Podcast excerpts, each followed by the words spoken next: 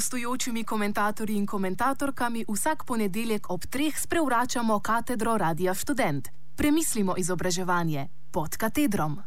O izobraževanju.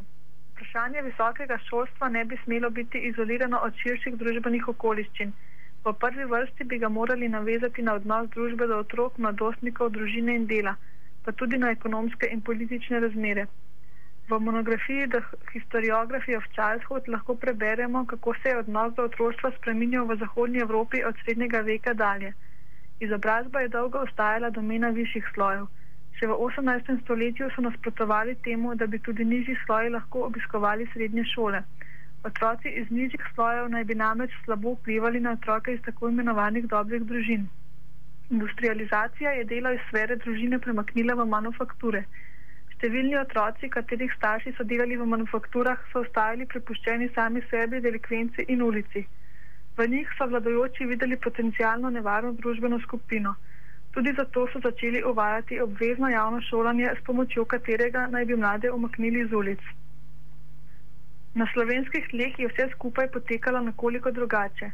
Obvezno osnovno šolanje je uvedla Marija Terezija, ki je v šolah videla orodje za vzgojo državi lojalnih posameznikov. Tudi uveljavljanje šolanja za vse otroke je bilo pri nas dolgotrajno. Slovensko prebivalstvo je bilo vse do druge svetovne vojne pretežno kmečko. Za marsikoga so bile šolske obveznosti podrejene delovnim. Šele z modernizacijo kmetijstva je dokončno prevladalo mnenje, da bo za otroke bolje, če se bodo šolali in jim zato ne bo treba trdo fizično delati. Kot piše Kremenšek na primeru delovskega naselja Zelena jama v Ljubljani, se je med delavskimi sloji vse do prve svetovne vojne večina otrok po osnovni šoli že izučila za določen poklic. Med vojnama so se starši trudili, da bi jih otroci na družbeni lestvici prerasli, zato so tudi več vlagali v njihovo izobraževanje. Po drugi svetovni vojni lahko zaznamo povečano zanimanje za gimnazije in srednje šole. Študij je bil ob ustanovitvi prve slovenske univerze leta 1919 rezerviran za elito. Šele v drugi polovici 20. stoletja je postal dostopen vsem.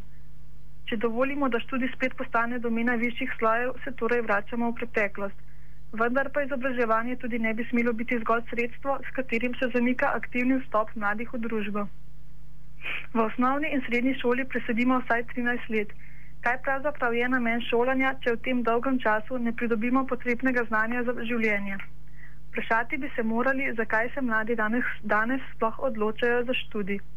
Če se zanj odločajo zato, ker jih nekaj zares zanima in svoje znanje želijo poglobiti, je to dobro. Prav tako, če želijo pridobiti nadaljno izobrazbo, da bodo lahko opravljali določen poklic.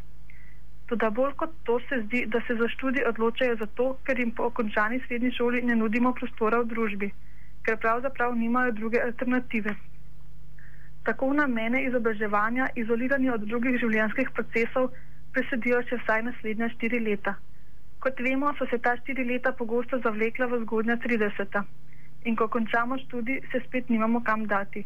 Tako smo v namene izobraževanja zapravili najlepša leta svojega življenja, leta, ko premoremo tudi največ ustvarjalne energije. Otroštvo lahko ločimo od odraslosti potem, da predstavlja obdobje, ko je človeško bitje za preživetje odvisno od svojih skrbnikov.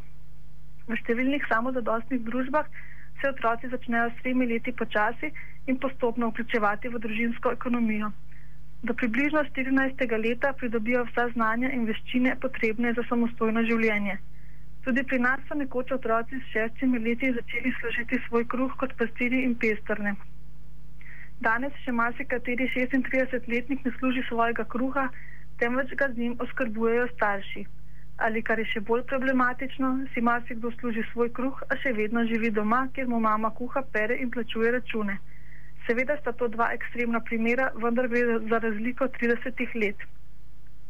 V anglosaksonskem svetu so celo izumili nov termin, porajajoči se odrasli, ki označuje posameznike, ki so pravno in biološko gledano odrasli, vendar za nje še vedno skrbijo starši, od katerih so tudi finančno odvisni.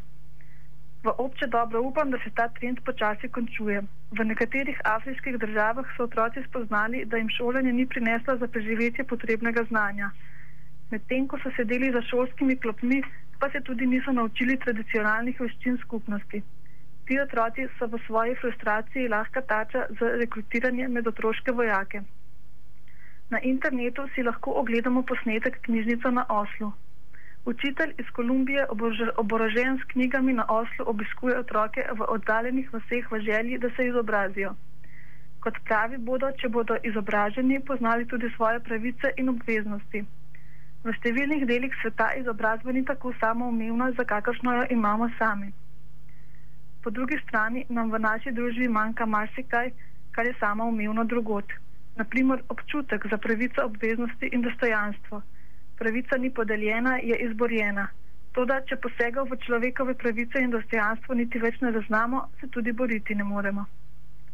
V sistemu, v katerem živimo, je umrl občutek za pravico in dostojanstvo. Kot vemo, ta sistem v ljudeh vidi le kapital, sicer pa samo odveč. Zato v resnici ne ponuja rešitve novih delovnih mest in niti koščka pod milim nebom za mlade zanima ga le, kako iz ljudi čim več iztržiti, tudi v obliki izobraževanja. Zato tudi izobraževanje danes ni vse, če zanemarjamo druga področja družbenega in osebnega življenja. Dobro bi bilo, da najprej spet poiščemo človečnost v nas samih, da ostanemo oziroma spet postanemo ljudje in se tako tudi obnašamo do drugih. Kot je dejal že Srečko Kosovel, Evropa je norišnica civilizacije in hiperintelektualizma. Njena kriza je samo ena, kriza človečanstva. Komentar sem pripravila Barbara Turkniskač. you